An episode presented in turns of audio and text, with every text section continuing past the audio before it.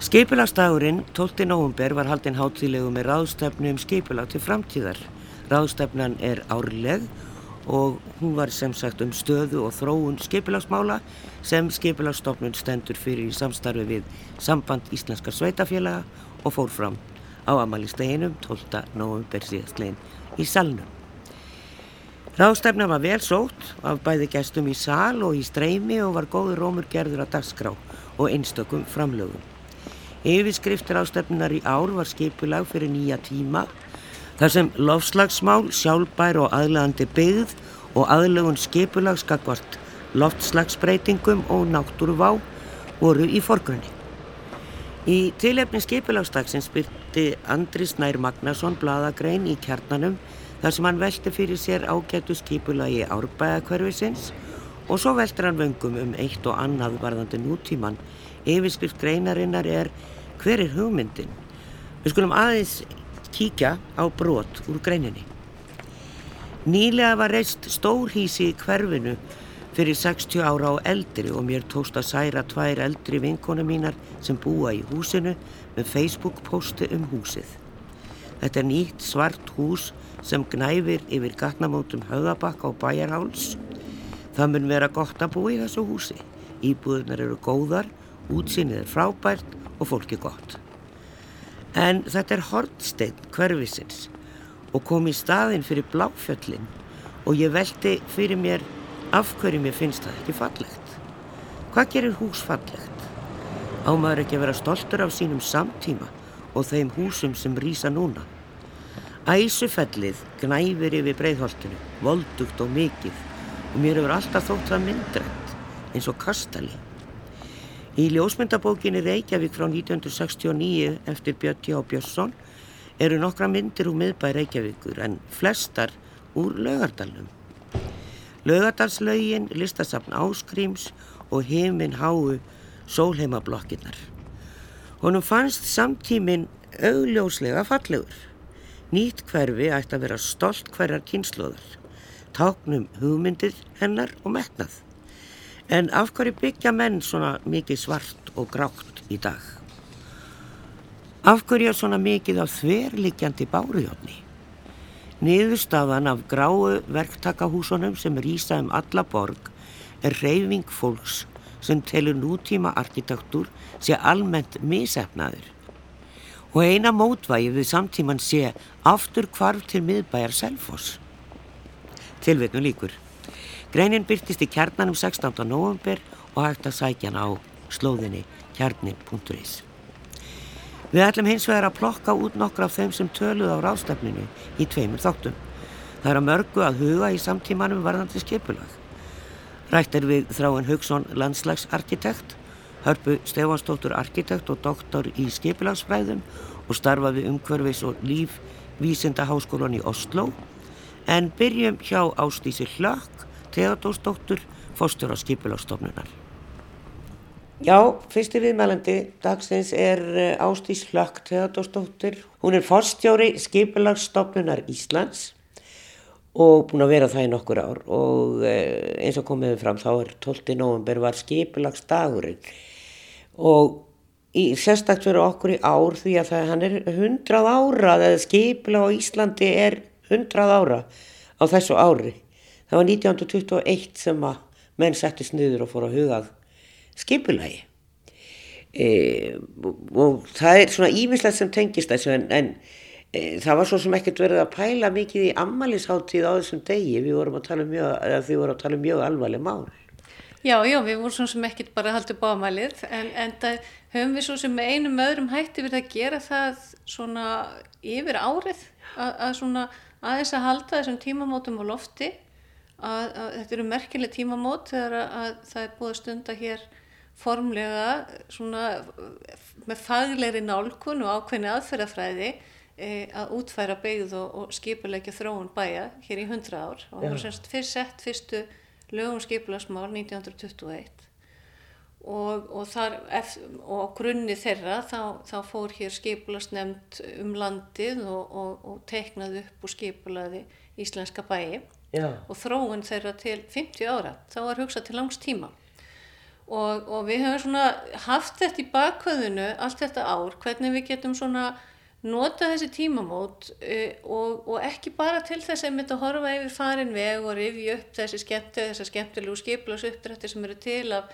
bæjum út um alland, heldur ekki síður til þess að hugsa, eiginlega setja okkur í þeirra spór, þessara frumkvæla hugsa hvernig voru þeir að hugsa til framtíðar. Já. og hvernig eigum við núna og þurfum að vera að hugsa um okkar framtíð og næstu hundraðar en ekki bara horfa í baksinni í hundraðan og undan? Því að, að okkar viðfangsefni og áskoranir við að þróa byggð og, og, og búa fólki gott umhverfi til þess að búi og starfi og vegna spötn og barnabötn það, það áskoranir núna eru svo markvíslegar og þær eru flóknar og erfiðar og þær eru aðrar heldur en, heldur en skiplag á 20. öldinni þurft að takast á við. Og þannig að við vonum sko svolítið með þetta í brenniteppli á skiplasteginum í ár og, og nálgumst að fyrst og fremst þannig að, að ræða um uh, sjálfbæra og aðlæðandi byggð því að það er jú á endanum það sem að,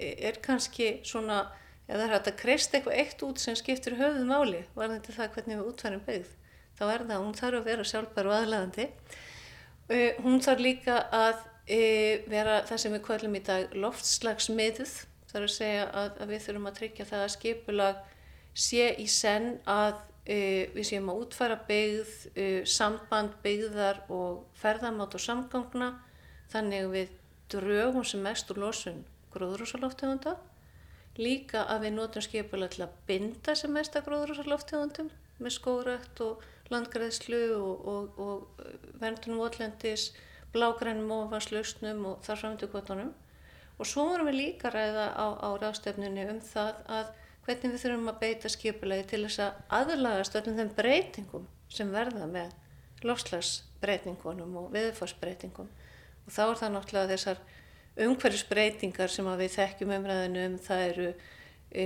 auðvitað hækkun hitastegs og hækkun sjáaborts en það er líka e, breytt veðurfar, það eru meiri öfgar í, í veðurfari og úrkomu e, sem við þurfum að kljást við flóð og svona úrkomu ákjað sem kvælið er.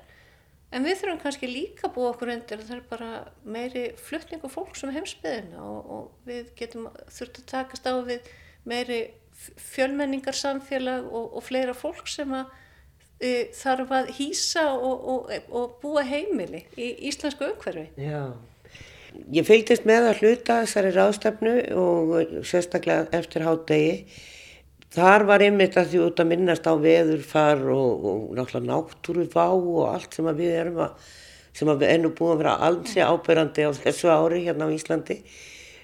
Það kom hérna byggingafulltrúi eða skipilagsfulltrúi frá Hortnafyrði yeah. Og var einmitt að tala um sko dreifðu byggðina sem að bara býður eftir að geta byggt eitthvað. Yeah. En þau eru eiginlega bara í gíslingu þar og, og ma maður fekk svona nett sjokk. Já. yfir hennar fyrirlestri. Já, það er einmitt, það, það, það var mjög, mjög mikilvægt innleg sem hún var með, e, Brynja sem er, er skiplarsfulltrói á Hortnaferði. E, því að þar eru þau að kljást einmitt við e, afleiðingar loslasbreytingar. Þar, þar er jökullin að hopa og, og þá skapast aðstæður sem að, að verður mikil óvisa um hvort að, að munum verða bergklaup og, og flóð hvernig þau munu haga sér, hvað verður þau stór, gerst þetta í einum atbyrði eða mörgum?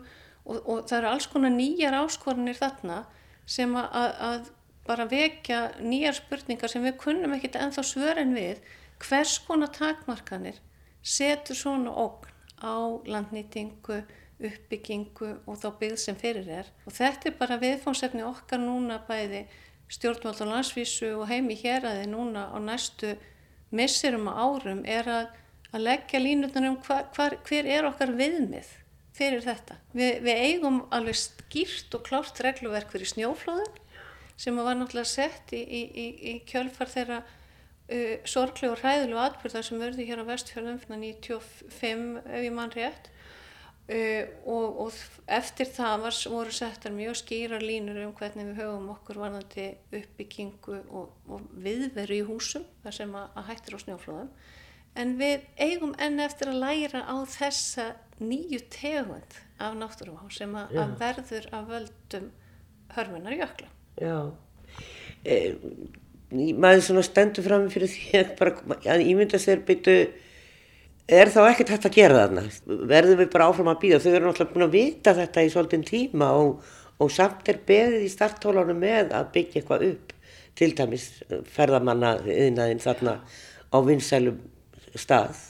Já, ég, ég held að, að þarna er náttúrulega, þetta er eins og ég segi, þetta er, þetta er ný tegund af, af náttúruvá og áskorun sem að, að, að þarf bara að átta sig á hvernig er rétt að fara með og þarna þarf að finna meðalveg á milli þess að tryggja ídrasta öryggi með að við sko, hvað hann að segja, ídrustu hættu það morða það þannig og svo þess að fólk hafi sveigrum til þess að byggja upp og stunda sín aðtunuregstur og ferða fólk að heimsíkja svæðið og allt þetta og, yeah. og þetta, þetta er bara, ég held við þurfum þó að þessi skiljanlegt að fólk sé óþólunum oft gagvart í að fá niðurstöður í svona málum að þá, þá þarf bara doldin tíma til þess að átta sig á viðfangsefninu, vísendamennir þurfa að leggja mat á hættuna. Og síðan þarf sko stjórnkerfið að, að, að komast að svona því sem ég hef kallað hinn um skiplaspolítísku viðmiðum. Þar að segja hva, hvað erum við tilbúin að, að leggja í mikla áhættu með að byggingar verði fyrir tjóni? E, ég held að við séum öruglega alltaf sammála um það. Við erum ekki tilbúin til að leggja mannslíf í hættu en það getur alveg verið þær aðstæður þar sem er mikil óvisa um að atbyrður verði en hann mun gera bóða undan sér þannig að, að, að við munum geta tryggt e, öryggi fólks að þá munum við eitt af því sem við þurfum að fara að taka stáfi varðandi þessar nýju ógnir vegna loslasbreytinga er hvar eru þær aðstæður að við erum tilbúin að, að leggja einhverjum meiri óvissu með sjálf mannverkjagerðina vegna þess að það er svo mikil kostnæður sem getur falist í því einmitt að gera ekki neitt Já. og byggja ekkert upp og nýta ekki landi og nýta ekki tækifærin í einhvern ákveðin tíma Já. þannig þetta eru bara, þetta eru mjög snúin viðfangsefni Þetta eru náttúrulega viðfángsefni þessarar stopnunar að rýna í einstakar staði og reyndar all landið, þetta er líka náttúranundir og allt mögulegt. Eru þið að fara allaveg yfir teikningar og deiliskypulagi í Reykjavík eða Hafnafyrði eða, eða Seðisfyrði eða Hotnafyrði eða Akureyri? Já sko við skipulastofnun er í, í rauninni má segja í stuttumáli bakhjarl sveitarfélagana hvað var þar e, skipulasmál og við erum bæði sagt, að sinna stefnumótun, við erum að sinna stjórn síslu skipularsmála með einsum hætti og að veita leiðbynningar um skipularskerð og, og svo með sama hætti er fjöllum við um umhverfismat. Þannig að það gildir það okkar aðkoma stofnunarinnar er í rauninni algjörlega sambarleg hvort heldur er í fjölmennu sveitarfélagi eða fámennu, þjættbili eða dreifbili að, að stofnunum hefur sama hlutverk hvort stór sveitafélagi eins og Reykjavík og Borg eða fámennu sveitafélagi eins og Árnesrepp og Ströndum. Hlutur ger það sama. En, og, og það er eins og ég segi, það er svona blanda af því að við erum að, að sinna eftirliti með því hvernig skiplar sveitafélagin sinna sínu skiplar slutverki eh, við erum til staðar til þess að leiðbeina þeim og leiðbeina borgurunum leiðbeina ráðgjöfum og hönnuðum sem að sinna skiplaskerð og svo mótum við líka fyrir hönd okkar á þeirra þá mótum við sín og stefnu e, stjórnvöld og landsvísu ríkisins í skiplarsmálum og hún er sett fram í því sem heitir landskiplastefna. Það er semst í gildi landskiplastefna þar sem eru sett fram svona almenn prinsip og svona leiðarljós og megin línur um þróun skiplarsmál í landinu sem er þá sveitarfjölin eigið að hafa svona eh, til hliðsjónar og leggja úta þegar þau svo móta sína nánari stefnu og, og, og útfærslu byggðar á einstakon stöðum. Og það liggur fyrir tillaga að endur skoðar í landskipla stefnu sem að, að ég vona að fara inn á þingi núna um leið og það kemur saman að nýju. Og það er verið að móta um eitt nánari stefnu um þrjára vítirskiplasmáluna um lofslagsmál, landslags og líðhelsun og við höfum nú í, í gantaskap kallað þetta ellin þrjú í, í skipilagsmálunum loftslag, landslag og líðhelsu en þetta er einmitt þá verið að, að byggja betur undir skipilagsgerð sveitafélag hvort sem það er þeir eru að vinna aðalskipila fyrir allsitt land eða deilisskipila fyrir einstök minnisvæði. Hvernig getum við best synd loftslagsmálum uh, með því hvernig við útfærum byggð og landnýtingu? Hvernig getum við best uh, tryggt gott uh, unni með landslag, bæði bara bús, búseturlandslagi dreifbili, uh, víðerni í óbyggðunum og líka bara landslagið inn í bæjónum, því að það er líka hérna búsetum, eða byggðaminstri segi ég og, og, og, og svona bæjarmyndin, hún er líka landslag. Og svo er það líðhelsu þátturinn sem að, að, að við getum líka sendt með svona margvíslegum hætti í skipularskerð, það er auðvitað að útfæra byggð þannig að það liggi beitna við og sé auðvelt fyrir okkur að velja það að ganga og hjóla.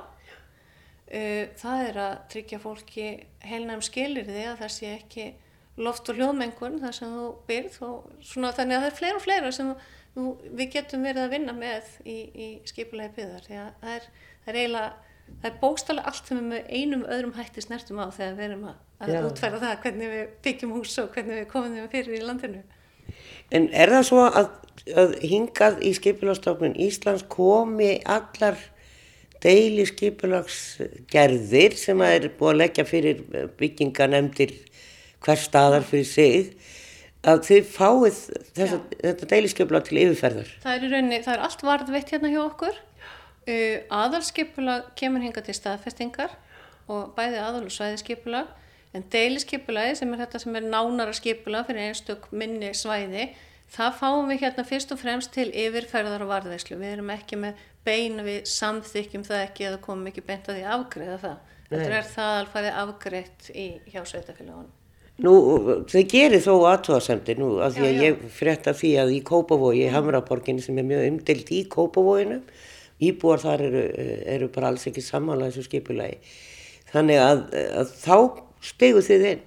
Við svona, höfum það hlutverk, sem sagt hvað var það deiliskeipulagið, að auðvitað eins og með all, alla skipulagskerða veita leifinningar og síðan að hafa eftirlit með skipulagskerð sveitafélag og í, í þessu tilviki sem þú ert að vísa til að þá er það þannig að þegar það kemur til okkar samþýtt deiliskepulag sem er búið að fá sína málsmeðferð heimi hér að þið eins og við kvöllum það að þá er það hlutverk skipulagstofnunar að yfirfara hvort að það sé einhverjir gallar og gögnum eða málsmeðferð í, í deiliskepulæginu og, og við getum þá okkur ber þá að koma framfæri aðtóasendum í sveitafélagi ef það er eitthvað sem við teljum að þurfum að koma skýrar fram hveða áum með afdröftalusari hætti eitthvað sem hefur komið fram í aðtóasendum frá borgurunum sem hefur ekki verið brúðist við eða tekinn afstæða til og svona, það eru svona atrið sem við erum þá að fylgja eftir.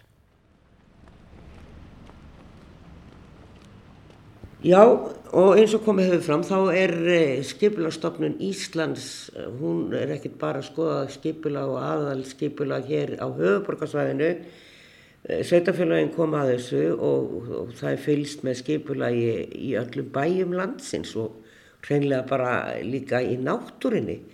Það sem er verið að skipulagi til dæmis ferðamanna aðstöðu og eitt og annað þá er skipulagsstofnun Íslands í aðalhutverki. Við höfum aðeins að bregða okkur út fyrir bæjamörkin hér því að þess að vekja aðtekla á því að þessi stofnun sinnir sinnir verkefnum sem eru ekki í Reykjavík og við erum alltaf að tala um Reykjavík hérna á flakkinu en við erum alltaf að kíkja þessi hveragerði. Þráin Haugsson er landslagsarkitekt og starfar hér hjá landslægi og það er verið að byggja upp svæði í hveragerði sem er eh, við bakka varmár sem að rennur nú svo fallega þarna í gegnum bæin og þarna eru bara nokkur hús á stánlega það maður kannski að minnast á hótelið Frost og Funa sem að margir þekkja til þannig að fólk getur staðsett sig svona aðeins í huganum hvar við erum. Síðan er þess að göngustýgur þarna á að byggja upp þjónustusvæði og aðtunusvæði með hreinlegan yðnað og nokkur íbúðarhús. Sko þetta er náttúrulega, maður sér það bara strax, þetta er verið náttúrulega algjör paradís að búa þarna. Já, þetta er gríðilega fallet svæði. Þetta er hérna svæði sem er þarna á Bökkumvarmár við austur endan á Hamrinum sem er svona uh, markar byðina svo skýrt í hvergeri og þetta er þarna það sem að þessum mun eftir hvernum grílu gauðs þarna og var á mynda á elspítu Stokkvöldum í Galanda það er akkurat á þessum slóðum. Og þarna voru áður garrikjustöð uh, fríðarstaðir þeir hafa verið fjallaðir eða svo stöð hefur verið fjallaðir þannig að þarna er svæðið sem er skilgreynd í aðalskipulagi hveragerisbæjar Þetta er svona verkefni sem við hjá landslæði höfum verið að vinna í samvinnu við eh, ASK arkitekta fyrir hvergerisbæ og í mjög náu, nánu og góðu samstarfi við hvergerisbæ einstaklega skemmtilegt að vinna með, með þeim. Þarna er svæði sem er skilgrænt í aðalskipulagi sem fyrir blandaða byggð og það sem er bæði heimilt að vera með svona hreinlega atvinnustarfsemi til dæmis tengda ferða uh, yðnaði eða, eða ferðarþjónustu eða, eða jætmjöl eitthvað skonar ræktun uh, gróður, að stöða og svo er hluti af svæðinu sem átti líka að vera íbólöður. Þannig að það var ákveð að skipta þessu sagt, í tvent hvað þetta var, hvað byggðina varar. Uh, nokkrar, það má ég lega segja, vera þjætta byggðarna en ekki á sama hátt á höfuborgarsvæðinu að vera að byggja þarna á milli íbúðarhúsar sem eru þarna fyrir og svo er að uh, byggja uh, þessar, hérna, eða útbúa þessar lóðir fyrir atvinnustarfsemi en svona græni þráðurinn í verkefnið er hérna, varmáin og varmárbakkarnir og að mynda svona eiginlega aðgengilega samfellu í það svæði allt saman með göngóðu og, og greiðu og örgu göngustígakerfi og eiginlega gera varmárbakkana þarna megin aðgengilega sem þeir hafa í raun og ekki verið lengi sko, eða hafa ekki verið hérna, lagðir í stígum sko. Nei og þegar maður gengur upp þennan stíg og svona framjá þessari íbúabið og svo tekur við þetta þjónustasvæði og svo kemur á hótelinu hérna og síðan getur maður í rauninni kannski gengið alveg upp í Reykjadal sem er gríðarlega vinsalt staður. Já, það er alveg, þennan sem sett innan við Hamarinn er náttúrulega þetta íþróttahús sem að fólk sér blasa við, eða eh, knatthús sem að blasa við ofnu kömbunum og þar er íþróttasvæði hvergeringa og, þar, og þar er Ölfusdalurinn innan við Hamarinn en svo inn úr Ölfusdalurinn gengur svo hérna, Reykjadalurinn þar sem er vinsalt að fara hérna, baða sig heitu, heitir á. Og þetta er í raun og allt í göngu færi fyrir, hérna, fyrir útistu fólk. Já. og við erum að mynda þarna svona góða og greiða tengingu við þetta svæði úr byggðinni. Þannig að í raun og er, má segja, fossflatagarðurinn sem er svona bæjagarður hvergeri við, við fossin nýri bæ, hann verður svona hliðið inn í þetta græna svæði upp með anni Já. og neðri hlutin er þarna, hefur að geima minjar um, um bæði virkjanir, lilla rafstöð sem þarna var og svona segir heilmikla bæði virkjana og atvinnusögu frá því á fyrirluta síðustu aldar. Þetta er pínlítur virkjur í rauninni virkjur á húsið allavega það stendur hérna rústir einar. Mm -hmm. En, en þið hafa svona lagt upp með að kannski að nýta þessa rústir? Já, það verður sínt fram að það sé hægt að byggja sérst, inn í það til dæmis eh, gler, glerhísi að, og þar geti verið síning um uh, virkjarnasöguna eða atvinnasöguna í hvergeri og bara umhverfið, jarfræna, það blasir hérna allstað við. Fallegar, fallegar hérna, jarmyndanir uh, og ummyndanir sagt, í alls konar litbriðum og þannig að þó að áeins ég henni er skipt á milli sveitafélag, hverjar er, er hérna, lítil eiga í Ölfus, hérna, sveitafélaginu Ölfusi. Og sveitafélagmörkin er út í miðri amni en þá náttúrulega má segja að hver geringa séu með landslæði hinn með, megin árinar að láni þannig að þeir fá að horfa á að njóta þessum að þar er.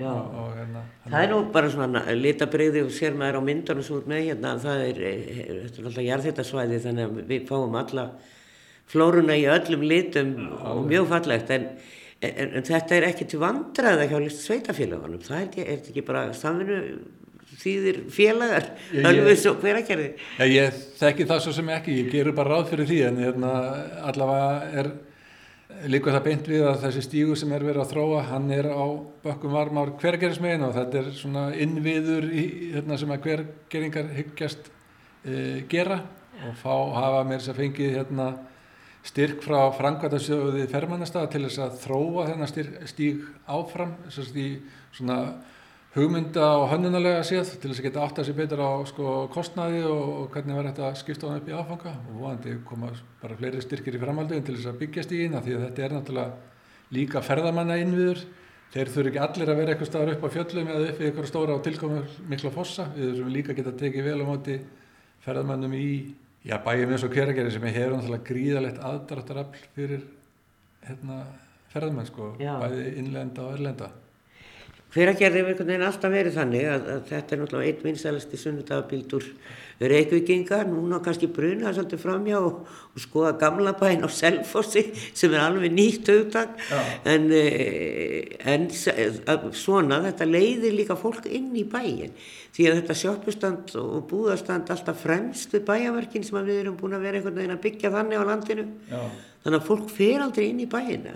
Nei, nei, þarna er einmitt sko, það var alveg markmið í vinninni að, að þessi atvinnustarfsemi sem er hugsuð þarna upp á fyrrum hérna gargistöðalóð það sé svæði sem virkilega verðskuldi að fá að vera þarna í þessu fallega umhverfi og drægi einmitt til sín gesti og menn og, og þannig auglisti hérna, bærin eftir áhuga sömu þegar deilskipulagi var, sagt, hafi, hérna, var um gargengið að eða vinnandi deilskipulagi þá kölluður eftir áhuga sömum uppbyggingaræðalum sem að vildu taka þátt í að hérna, eða hefðu áhuga að taka þátt í þessar uppbygging og þeim var uh, gert að lýsa sínum áformum og, og það er skils með bara þegar búið að semja við þrjá eða fjóra af þessum sex slóðum fyrir hérna, einhvers konar baðstað eins og við höfum séð skjótu kollinu hinga á þanga á landið brugghús með konar litlu lokal hérna, bruggstarfsemi og einhvers konar vantarlega þá veitinga eða já, þjónustu í kringu það fyrir gestugangandi. Það er þarna hugmyndir líka um að mér skilst í jarðabærarektun sem er þá líka kannski svona í sypundur og menn það gert með hérna, tómatana á fríðheimum en, en þannig er svona verið að flétta saman sko addunu og ferðarþjónustu og hérna þannig að heimsóknin verður miklu svona ríkari held ég þegar, þegar það er gert heldur en þegar þú kemur inn í einhvern algjörlega tilbúin bara gerfið. Já, en, en og svo eru náttúrulega þessi íbúðarhús sem eru nú kannski 10-12 eitthvað svo leiðis og þau eru ekki meirinn tveggja hæða. E, þarna er aska ekki að deiliskeipil ekki að háhísi sem að þeir eru nú líka aflingir í að gera. En e, mm. þannig að en það er ekkert byrjað að huga því að bjóða þær lóður út. Jújú, það er örgulega í pípunum sko, ég bara þekki, ég herði í bæðistjóður bara einmitt á skipulasteginum og forveitnast um gangmála og þá skildist mér að það sé undirbúningi að fara hérna, að hanna gödunar uh, sem að þarf til þess að byggja, gera þess að loðar byggingatækar og með að við fréttir af, af hérna, ásók fólks í að flytja til hvergeris og byggja þar sitt hús þá held ég að þetta veri slegist um þess að 10-12 gullmála sem að þessi loður eru hérna út á í, í þessu umhverfi. En það er líka gerðar sagt, kröfur í skipulæginu um að þessar byggingar falli vel inn í landslæði, falli vel á umhverfinu bæði í efnisnótkun og, og formum og, og helst græs og þakkið og þannig að þetta verður svona hérna, sómið sér vel í, í þessu fallega umhverfi. Svona í lokin, það er náttúrulega eina áherslan á þessum uh, málfundir ástefnu sem að var haldinn á skiplasteginu 12. november voru láslagsmálinn og, og, og allt, allt svo ógt sem að við í rauninni stöndum framið fyrir. Mm -hmm. og, og nú þurfa hannuður eins og þú og allir hinnir og byggingar aðalar og hvað veit ég að huga þessum málum bara í hversin sem að stýði eitt skref. Já, já. E, þarna sér maður allavega á þessum teikningum og öðru að þarna er verið að nota náttúruefni. Verða þetta timburhús er eitthvað búið að leggja upp með það Sko, ég er nú ekki sérfræðingurinn akkurat að þessu sviði í, í vinninni en hérna ég hugsa síðan alveg heimilt að steipa þarna hús sko en, en, en það síndar allavega á skýringamindunum timpur klætt hús. Og auðvitað er ein leiðin til þess að byggja umhverfisæðin hús er að byggja timpurhús en ég svona hef ekki alveg svona reyðar að svara en þetta höndum Nei. í þessu tilfelli. En, en þú veist allt um stígana við, úr hverju verða þeir verða þeir verða ekki malbyggaðir til dæmis? Nei, alveg örglega ekki. Og, hérna, en, en við erum að hérna, það var einmitt hugsuninni með, með hérna, styrkumsókninni til Frankværtarsjós fermannastaða var að þróa eins betur, komast betur að því hvaða efni myndi fara best hérna, í þessu umhverfi, hvaða leiði við, við höfum til þess að hérna, gera þetta sem fallegast og best. Og einlega sem við höfum stundum gert sko, eða, veist, það, það, sem, það, það færi svo mörgur rauk fyrir því sko, hvenar við erum að ganga náttúruna og hvenar ekki. Og eitt, hérna, eina aðferðin er að, að vera með að hafa framkvæmdir afturkræfar þannig að þú getur alltaf saman hvernig þú gera hann, til dæmis ef þú gera hann til dæmis með timpurpöllum sem er ekkert með miklu jarðfestingum eða slíkum undirbúningi þá er í raun og alltaf hægt að ef að svona samfélagið okkar kemst að ekkert í að setna þetta fari ekkert vel þarna í þessu umhverfi við viljum bara aft, framkalla náttúrun aftur eins og hann var þá getum við tekið þessar, þessar innvið í, í burtu aftur. Og það hefur við gert víðar í verkefnum eins og til dæmis við vorum að leggja hérna eh, bú, svo kallan búðastíg á þingvöllum í þjóðgarðum á milli minja. Hann er algjörlega ánallara jarðfestinga því við máttum ekkit hrópla við neinum minju sko. Og sömulegis með útsýni stíg upp á Saxhól. Hann var hugsað líka þannig að hann er svona á, það er í Snæfellsjökulsi þjóðgari að hann væri hægt að taka hann hérna í burtu setna, hann er í þannig einingum. Og það, það er svona afturkræfnin er orðið svona krafa sem hann, eða svona á tekklistanum til þess að svona hugsa sinn gang þegar maður velur efni. Bankan er svona stórhúsum sem við horfum á hér, við sittum hérna í Galmans Brónhúsinu á, á skólauristi þá er það gífileg mengun að slá niður þetta steinsteista hús sem stendur hér á hodni, er þetta ekki óskata? Jú, óskata og skólauristi Já, það er kannski sko breytt huga að fara að því leiti að menn eru meira sér farnir að huga því að að höggva ekki niður húseldur reyna að byggja ofan á Já. og í kring. Já, það var hérna einmitt, ég held að hérna arkitektar út í heiminn sem að fengu einu virtustu arkitektavelun uh, bara í fyrra hafi mitt unnið algjörlega þessum prísum að aldrei að hérna rífa neitt niður heldur alltaf að nota það sem þú hefur og það, geta, það er alltaf hægt að finna í nýtt hlutverk og, og, hérna, og byggingar eru ju, alla byggingar eru hluti af okkar einhvern veginn sögu Já. Saði þráinn Haugsson landslagsarkitekt. Á rástaflinu 12. november voru sjö frumalendur fyrir hátegi og annað eins eftir hátegi og síðan pallborð. Eina af þeim sem kynnti rannsók sína var Harpa Stefánsdóttir sem starfaði háskóli í Oslo og hugað þarf að skipula í samgangna í framtíðinni því ekki getur við haldið áfram að byggja umferðamannverki innan borgamarkana. Já, við erum mættir í blönduhlýðina og höldum áfram að rýna í þennan fyrirlestur eða ráðstafni sem haldin var á skiplasteginum og margir töluðu og einn þeirra var meðal annars uh, Harpa Stefánsdóttir sem er í grunninn arkitekt og síðan doktor í skipulagsfræði og vinnur við háskóla í Noregi sem er umhverfis og lífvísinda háskóli Noregs í Oslo og uh, nýlega, er bara síðastlega sumar var kynnt uh, efni úr rannsók sem að hún á samt fleirum unnu um umferðin í Reykjavík og uh, svona samgöngur almennt og svona í ljósi þéttingu byggðar, er það ekki rétt tólka hjá mér að þetta er svona tengist bæði þéttingu og umferðamannverkjum? Uh, jú, verkefnið er sem sagt, uh, þetta er stór rannsók sem við vorum að vinna í Noregi sem varðaði Oslo og Stavanger en við fengum tækifæri til þess að flytja þetta líka yfir til höfuborgarsæðisins og, og svona endur taka sömur rannsókn hér. Já. Hún varðar ferðavenjur á höfuborgarsæðinu út frá uh, því hvar fólk býr. Þannig að við erum að skoða hvernig byggða minnstur og eiginleikar í hverfum hafa áhrif á uh, ferðavenjur, þar að segja uh, hvert fólk hver, hver er ferðaþörfin, hver oft og af hvaða ástæðum fólk hver ferðar sinni í daglegu lífi. Það er alltaf flestir líklega að fara frá heimili í vinnu og öfugt en svo er náttúrulega önnur erindi og var eitthvað sem kom á óvart í þessum spurningum eða svörum skulum við frekar segja.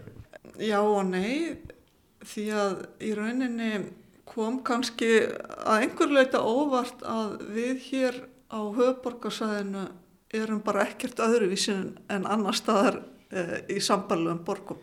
Við lítum svo á að, að hérna, höfuborgarsæði sé svo guðlega einkjarnaborg, við erum að tala um semst byggðaminstur og við erum með einn megin aðalkjarnar sem er miðbæðasvæðið í Reykjavík þar sem er svona fjölbreyttust þjónusta og stæsta atvinnisvæðið.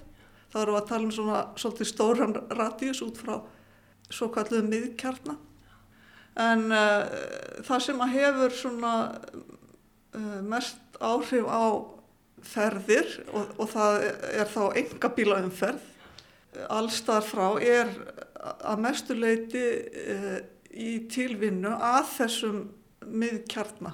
Þannig að því, nær, því fær sem að býr frá honum því meiri líkur um að fara með bíl Já. til vinnu. Já. En svo þeir sem að búa sem næst þeir eru meira líklega til að ganga að hjóla.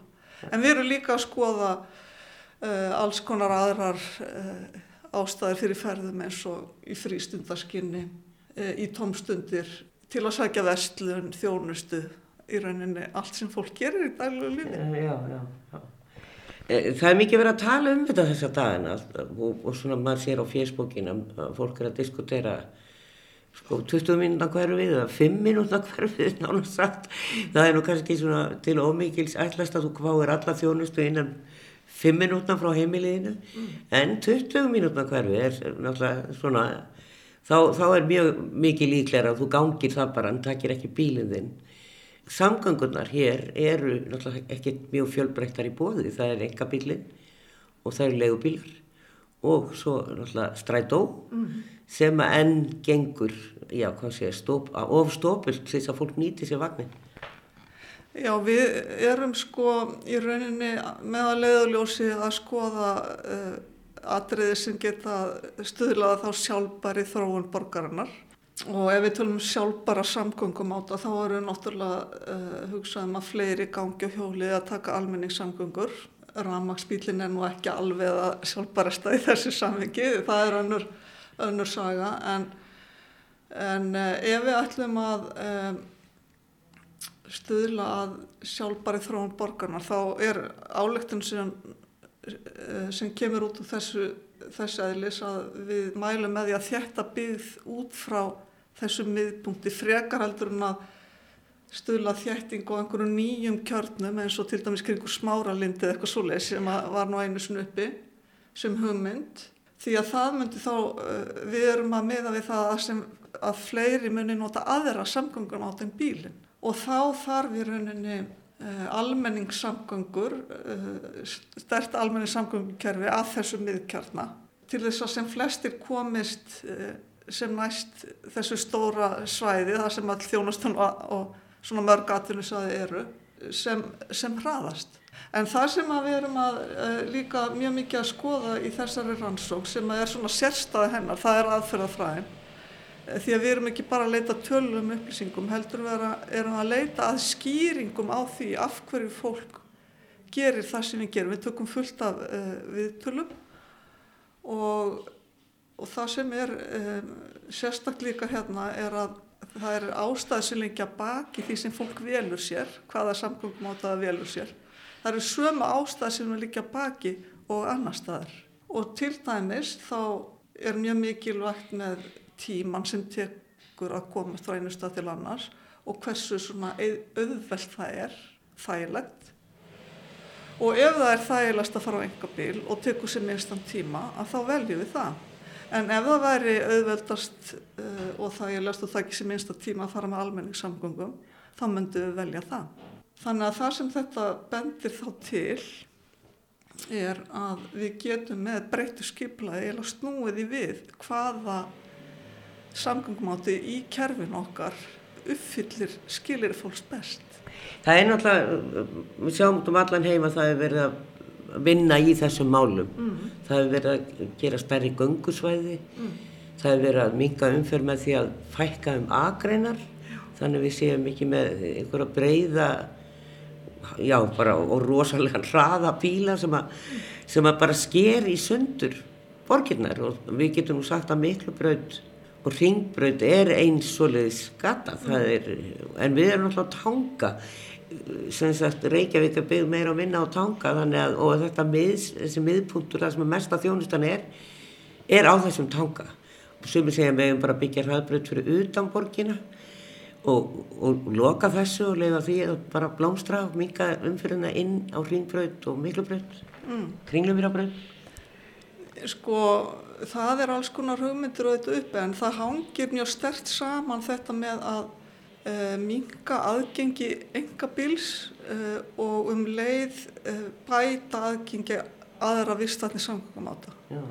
og þá þarf almenningssamgöngukerfið að komast hraðar leiðar sinnar og ekki verða fyrir töfum og, og það hangir sama með því auðvitað að það sé tíðari ferðir og auðvitað að komast á stoppustuðuna og þetta stopp og, og, og það séu miðstöð stoppistöðvar á líkil stöðu þangar sem fólk er að fara eins og mikilvægum atvinnu svæðum og svo framvegis. Já. líka þar sem er þátt að skipta um. Uh, og þetta hangir saman með þessu aðgengi fyrir engabíla þetta þarf að vinna uh, jafnliða að það er oft talað um að þrengja að engabílnum en það, en það fjallar þá um að minga aðgengi hans og það uh, hluta þessu aðgengi er líka hérna, aðgengi að bílastæði því ef þú getur ekki lagt á endapunktinum eða þarf þetta að hafa mikið fyrir að leggja að þá er það að draga úr þessu aðgengi. Já, Gefur það já.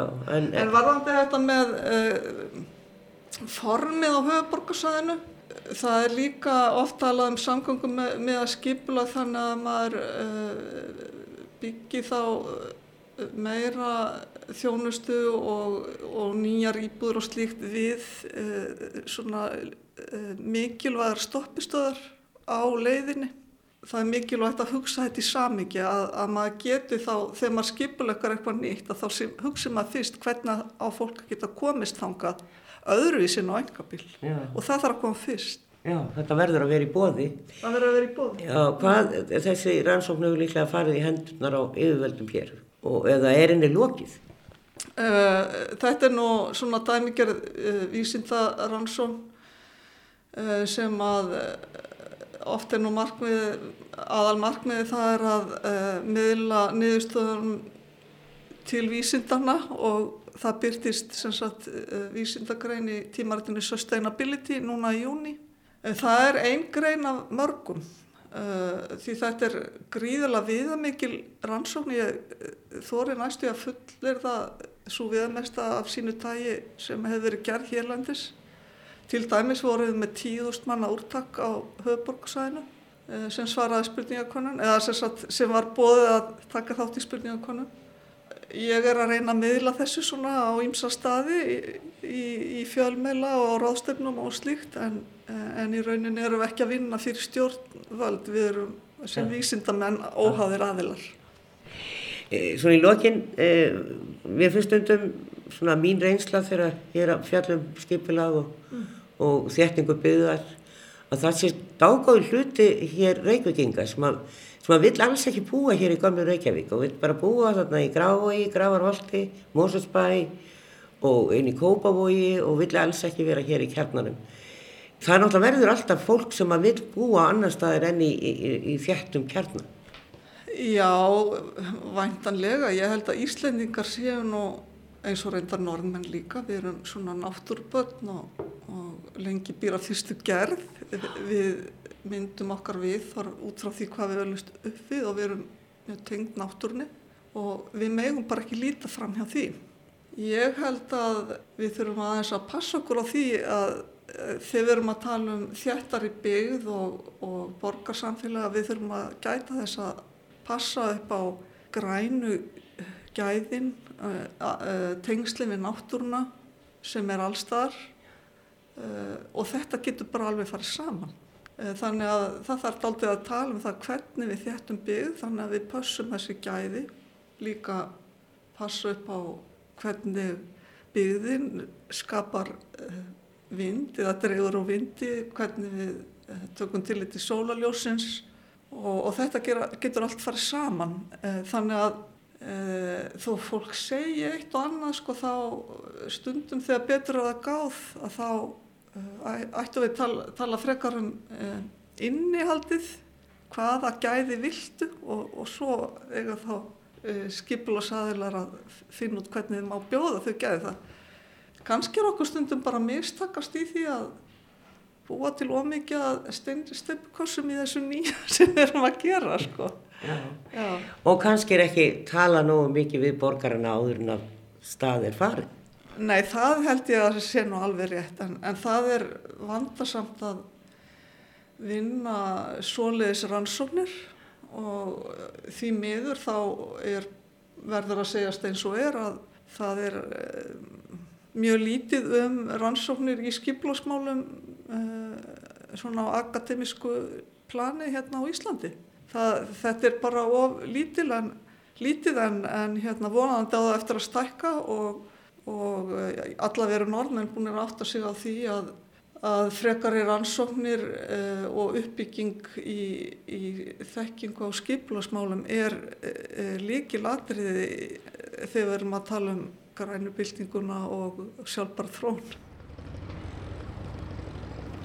Sagði Harpa Stefánsdóttir skipilagsfræðingur og það er komið að leðalokum í dag. En við höldum áfram í næsta þætti og skoðum meðal annars New European Bauhaus, hvað er nú það? Nýtt ráðstorki Hafnafyrði, grænan og vistvænan Skerjafjörð, svo eitthvað sé nefn. Af nógu er að taka á ráðstöfnunni. En við ljúkum þessu hér verið sæl að sinni.